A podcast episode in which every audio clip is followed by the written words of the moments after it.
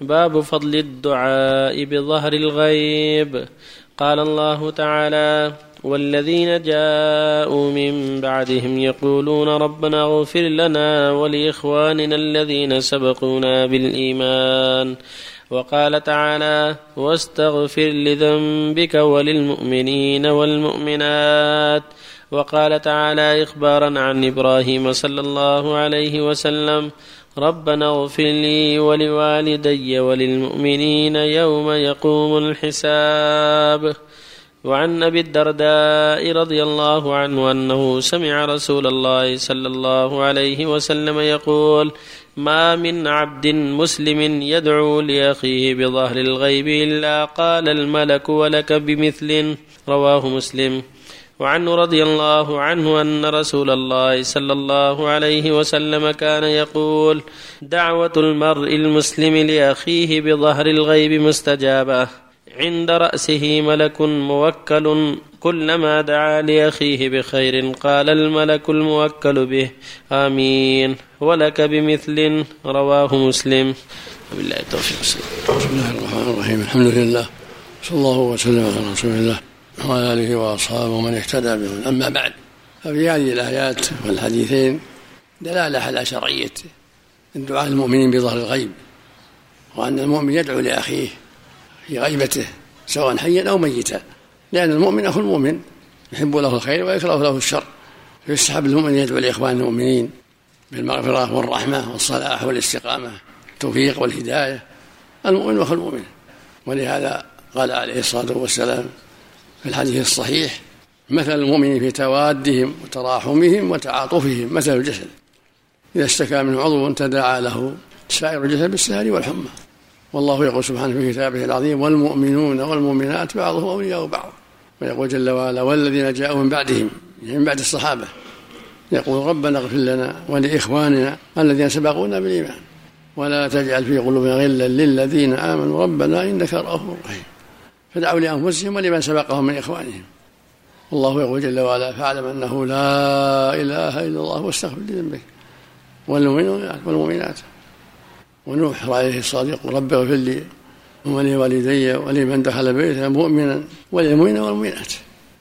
هذا من نصح الرسل عليهم الصلاة والسلام. يدعون الله لمن آمن من أمتهم ويسأل الله الهداية لمن يؤمن. والنبي صلى الله عليه وسلم قيل له فاعلم أنه لا إله إلا الله واستغفر لذنبك وللمؤمنين والمؤمنات.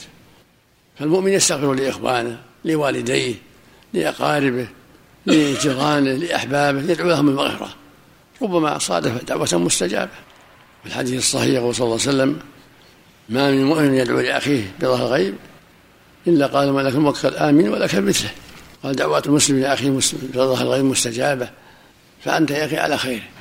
إذا دعوت لأخيك تنفعه وتنفع نفسك. الملك يؤمن ويدعو لك يقول لك بمثله إذا قلت اللهم اغفر له فلان اللهم أصلح قلبه وعمله اللهم يسر أموره اللهم ارزقه الذرية الصالحة الزوجة الصالحة العلم النافع. تدعو لأخيك ما تراه مناسبا. والملك الموكل يقول آمين ولك بمثله. وهذا في الحقيقة إنما يقع من أصحاب القلوب السليمة. الراغبة في الخير المحبة للخير فإنها تعتني بهذه المسائل لما في قلوبها من الرقة والمحبة والرغبة فيما عند الله والنصر لعباد الله فيدعو لنفسه ويدعو لإخوانه المسلمين. وفق الله جميعا نعم. الله يحسن الملائكة تؤمن على الخير فقط نعم. في هذا الدعاء. على كل حال نعم. لو دعا بإثم ما ما هو والله لا. يعني ما تعين على الدعاء الملائكة تعين على الخير. استنباط الإمام مالك من الآية السابقة أن الرافضة ليس لهم حق في الفيء لأنهم يسبون صحابة رسول الله قول وجيه أو قول وجيه رضي الله عنه ورحمه. نعم. أحسن الله إليك يا شيخ. كثرة ما يوصي الناس أن يقول لا تنسى من دعاك وكذا في شيء أحسن الله إليك؟ ما في شيء لكن عدم الكثرة أحسن لأن يعني قد يؤذي قد يؤذي إخوانه بكثرة الطلب. ولكن إذا فعل بعض الأحيان لا بأس. النبي صلى الله عليه وسلم ثبت عنه في الحديث الصحيح رواه مسلم قال يقدم عليكم رجل من اليمن. يقال له ويس القرني من مراد. كان برا بأمه وعلامته أنه كان به برص فبرئ إلا موضع درهم. فمن لقيه منكم فليطلب منه المغفرة. يعني فليطلب منه الاستغفار له. ويروى عنه صلى الله عليه وسلم أنه لما توجه عمر للعمرة قال لا تنسانا يا أخي من دعائك. لكن في سنده بعض المقال اليسير وحديث اويس في الصحيح في صحيح مسلم.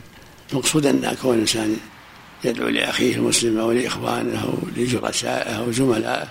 كله طيب الحمد لله. وهو من باب الإحسان. والله يقول واحسنوا إن الله يحب المحسنين.